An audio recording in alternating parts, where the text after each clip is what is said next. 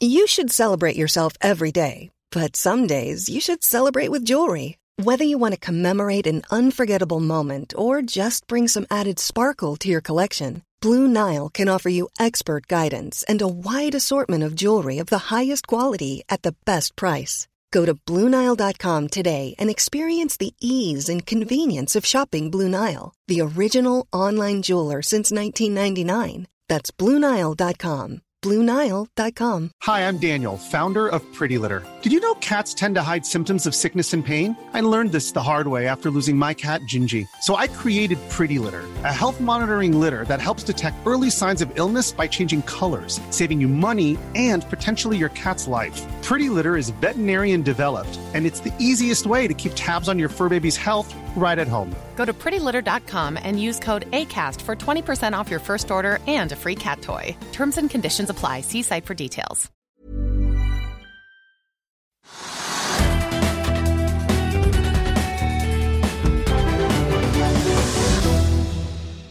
Velkommen til Økonominyhetene i dag mandag. Vi skal innom det som skjer på USA-markedet, men vi begynner her hjemme med Oslo Børs og noen av hovedtrekkene. Vi kan ta med oss at Strongpoint har inngått en avtale med Coop Norge til en verdi av 140 millioner. Aksjen stiger knappe 1 på nyheten. PCI Biotech har fått patentbeskyttelse i USA. Det beskrives av CEO CEO, altså sjefen i selskapet, Per Valdei, som oppmuntrende, og aksjen stiger nærmere 11 vi har også kurskollaps i Proximar. Grieg-familiens oppdrettssatsing har falt 44% siden børsnotering i februar. Selskapet har ikke bankfinansiering og har ikke fått napp hos obligasjonseierne, men stiger likevel 1,4 i dag.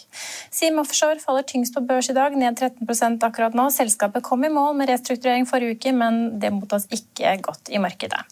Men Trygve, Oslo Børs er også litt ned i dag, men oljeprisen den beveger seg oppover. Ja, altså Børsen er ned en halv prosent, da, så ikke så veldig mye.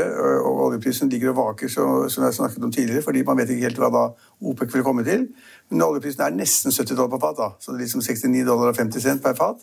Eh, så den har tendert oppover. Den har vært et par dollar lavere i forrige uke. Eh, og nå er jo da ryktene det at OPEC på et møte i morgen at de da vil komme frem til at de der kuttene de har hatt, skal liksom øke, altså løses litt opp.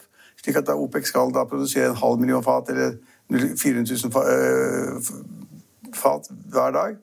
Mer enn de gjorde før. Eh, og det skal på hele tiden øke produksjonen litt. Og så tenker man da liksom, Er det de skal øke med, er det nok til å holde prisen oppe, eller øker de for mye slik at prisen faller? eller sånn, Der er det usikkerhet. Det, det har ikke jeg noe svar på. For mye av fokuset for møtet vil vel sikkert også være hva det betyr at uh, Irans råolje gjør ja, comeback i markedet? Ja, det er et godt poeng. og Det er, det er sånn vill gjetning. For der, der, sier noen at hvis Iran får en avtale med Amerika på atomvåpen, så vil da Iran kunne øke produksjonen med én million fat, eller to eller tre eller fire millioner fat per dag.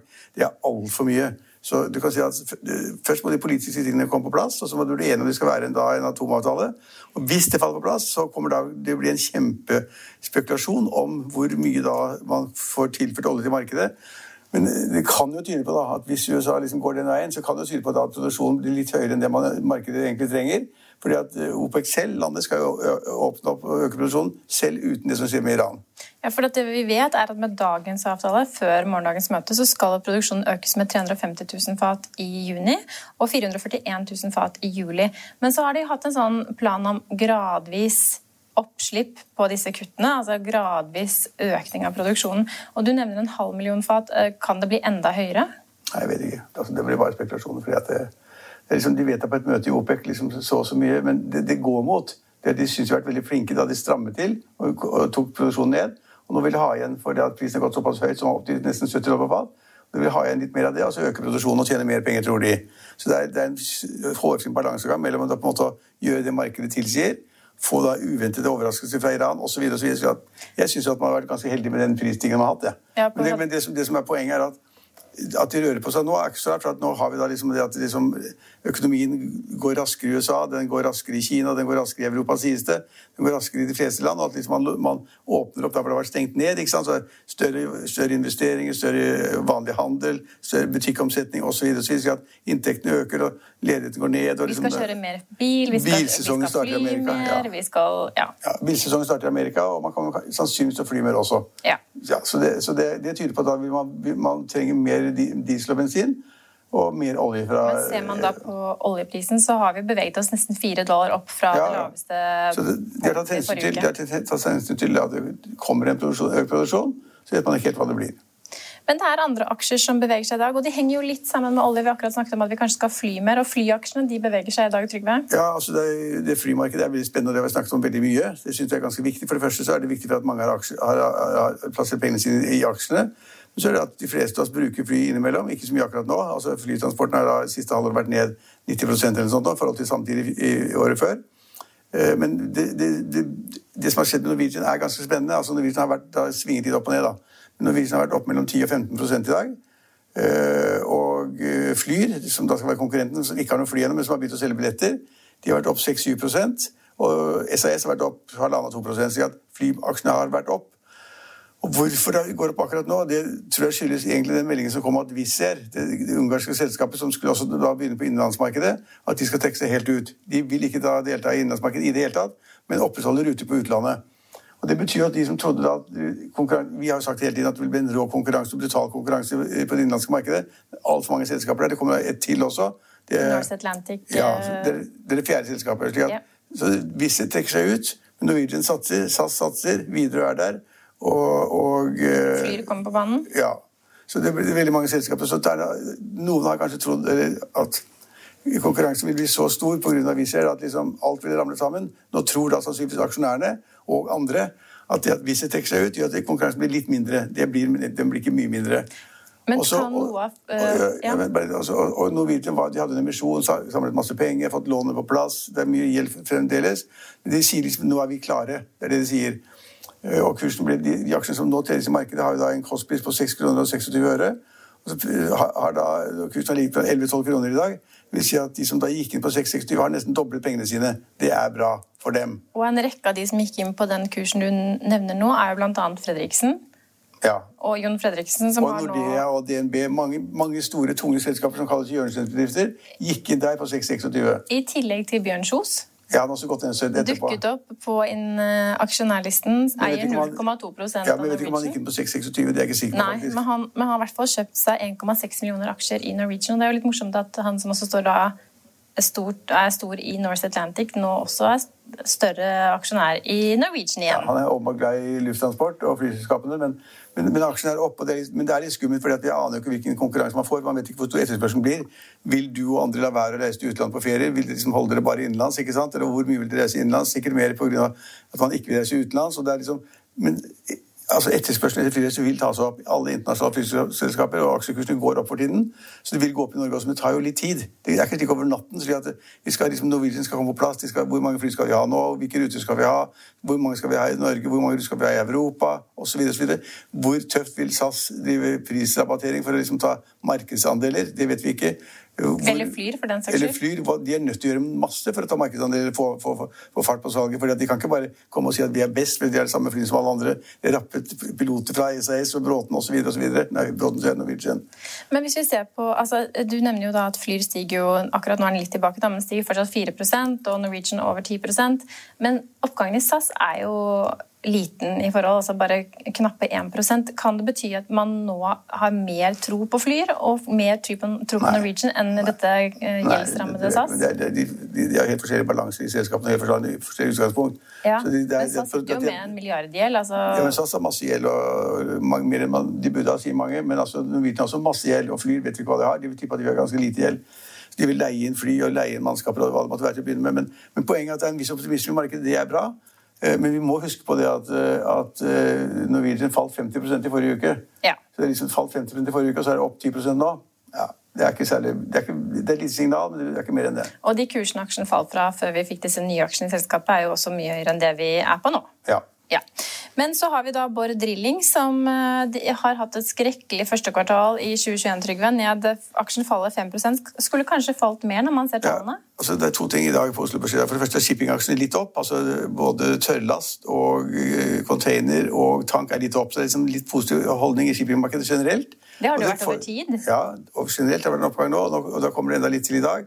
Så det er bra. Det er liksom positivt at liksom markedet har, har rett. Det er, det er umulig å få tak i containere. Altså Hvis du skal kjøpe et eller annet i Asia nå og sende til Europa eller USA, så er det klin umulig å få tak i en container. Du må betale fire ganger så mye for å leie en container som du gjorde for ett år siden. Så det er kjempevanskelig. Derfor er de markedene ganske positive og litt opp. Uh, på den annen side så er det som da også vanligvis defineres som shipping, men det er ikke shipping, det er altså da riggmarkedet og oljeservicesektoren, den er ned. Og vi har CM, CM Offshore, som er da ned 10-11 i dag. Den aksjen har falt altså med 90 den også i løpet av en uke eller to. Det var forventet, for det kom masse da gjeld som ble gjort om til aksjer. Så det ble vanvittig mye aksjer i Siem Offshore. Men det selskapet liksom tredje jo på liksom nærmest konkurs. Så det er det. På Bård Drilling så er det akkurat det samme. De er, den, den tredje nå litt over syv kroner. Selskapet tapte i fjor 2-3 milliarder kroner. Kan ikke ta det helt eksakt. Den tapte i første kvartal i år. Tapte 500 øh, millioner. En halv milliard? ja. ja tapte den i første kvartal, men tapte 2,5 milliarder i fjor. Tapte 500 millioner til nå. Det ser ut som Borr taper 500 millioner i kvartalet. Men hva sier det da om selskapets fremtid? Nei, Jeg syns det er kjempeskummelt. De er sånne jackup-rigger, og markedet er ikke blitt bedre. Når oljeprisen går opp, så pleier det å hjelpe litt. Grann. Men her var det en del som spekulerte i det. Blant annet så Kristin Sveaas kjøpte seg inn og tok en sånn Jeg tror ikke han kom ut av det i tide. Han tror jeg har tatt penger på det. Det var også andre som tenkte at alle, det var masse snakk om at jackup-markedet ville komme, og at dette var et perfekt selskap for det. Det er masse nye uh, jackup-rigger. Men altså, markedet har sendt kursen ned til så vidt over 7 kroner. og det er altså da, Også Borr er ned rundt 90% fra toppen, som CM Offshore. Så rigg og oljeservice er elendig. Og du tror ikke noe på at denne nye vindkraften skal, som skal liksom blåse liv i eh, norsk energi, eh, kan da omgjøre disse oljeservicebåtene til vindservicebåter? Det er, det er veldig godt spørsmål. Det, jo, det tror jeg sikkert vil være noen som er veldig flinke. Noen redere som er flinke til å konvertere da supply-skip, standby-skip og den type skip. Uh, som reiser frem og tilbake fra land til land, til, til sjøs osv. De vil finne en viss aktivitet der, men det ligger for langt frem i tid? Ja, det er langt frem i tid. at Jeg kan nesten ikke tenke meg engang. Først skal man finne hvor, hvor, man skal ha disse anleggene, så skal de montere dem, og så skal de begynne frem og tilbake. Det er langt frem, men noe av den løftekapasiteten, den transportkapasiteten man har i offshoresektoren, vil kunne brukes i utbygging av vindkraftanlegg. Det er jeg helt sikker på. Vi har to aksjegjengangere vi snakker mye om. Nell og Kahoot. Begge to faller mellom 2 og 3% i dag. Ja, altså Nell har vi sagt er frist lenge, og det det er, den. Og den har vært altså shortet. Det, det gikk den opp. Det liksom imot læreboken, så det vet vi hva som skjedde. Og Kahoot har vi også sagt at det har vært et interessant selskap med et godt konsept og en god ledelse. Og Så gikk den veldig opp, altfor mye opp, og så ble folk sa markedet at den skal tidoble seg, femdoble seg. Det gjorde den ikke, så begynte den å falle, så falt den og falt den, og falt, så falt den 40 Så har den beveget seg litt opp igjen, i dag er den ned igjen. Ja, og så... Det er mange der som er nervøse for at liksom, den er for høyt priset, og hvis det kommer en smell i markedet, så vil den type selskaper få den største smellen. Er det noen andre aksjer vi bør nevne? På Nei, det, vi har vært en av de mest spennende, men kanskje en annen spennende binyhet er jo det at EU-kommisjonen nå har sett på de nye reglene for reisende innenfor EU, og der skjer det endringer.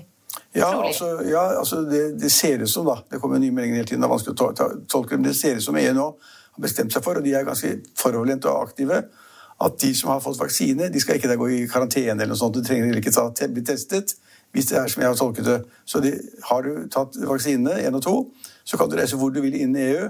Og du unngår da at du må teste deg på grensen. og du unngår da at det er sånn som nå, og Alle som kommer fra Russland, må i karantene, og de må i hotellkarantene.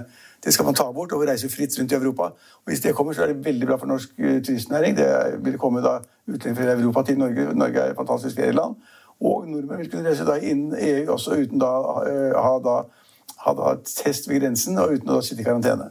Man... Så hvis det stemmer, er det kjempebra. Ja, Det er i hvert fall eh, nye anbefalinger om at det skal gjennomføres. Men det er også gode nyheter for de som har hatt korona og fått første dose av vaksinen. For de anbefales også ifølge EU-kommisjonen at de skal kunne reise uten testing og karantene. Ja, og, og dette er superviktig. og EU mener at man må få fart på økonomien. Middelhavslandet er jo en katastrofal situasjon, basert på at business har vært borte et år, som det også har vært i Norge. Og nå vil man ha fart på det. Man vil liksom ha arbeidsløsheten ned. Man vil at liksom folk skal tjene penger. Og Da gjør man dette veldig raskt og bruker alle krefter man har for å finne da ut en form for sånn vaksinepass eller hva det måtte være. og da det skal være på en app eller det skal være på papir. eller hva, det vet man ikke ennå. Man vil gjøre det lettere å reise rundt omkring. Men, men man må ha med seg en form for dokumentasjon at man er vaksinert. Ja, men Når tror du vi får de amerikanske turistene tilbake på besøk? da? Ja, Det tror jeg lenge til.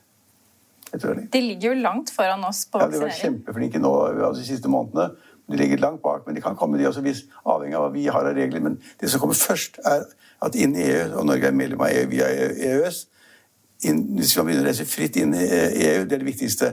Om man så kan komme fra USA eller Madagaskar eller Sør-Amerika til Norge, det, det, tar lengre tid. Men nyheter som denne, hvis det blir da gjennomført disse nye anbefalingene, så vil det være gode nyheter for cruiseindustrien også, Trygve. Hva, tenker, hva tror du Hurtigruten tenker om Nei, de at vi kan få EU Hvis det kommer europeiske gjester til Norge, er det kjempefint. Det, hvis det kommer da, så alt innen EU er bra så lenge Norge er medlem av EU. Ja. Så reiseliv, cruise Det kommer, og alt hotellene, annet alt vil eh, få en boom hvis dette gjennomføres. Hvis det gjennomføres, og hvis det gjennomføres i løpet av to-tre uker, så er det kjempebra. Ja. Vi er tilbake i morgen klokken 15.30. Følg med oss igjen da.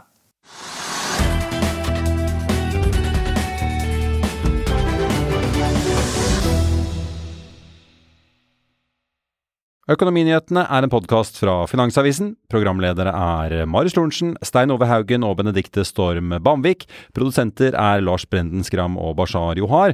Og ansvarlig redaktør er Trygve Hegnar.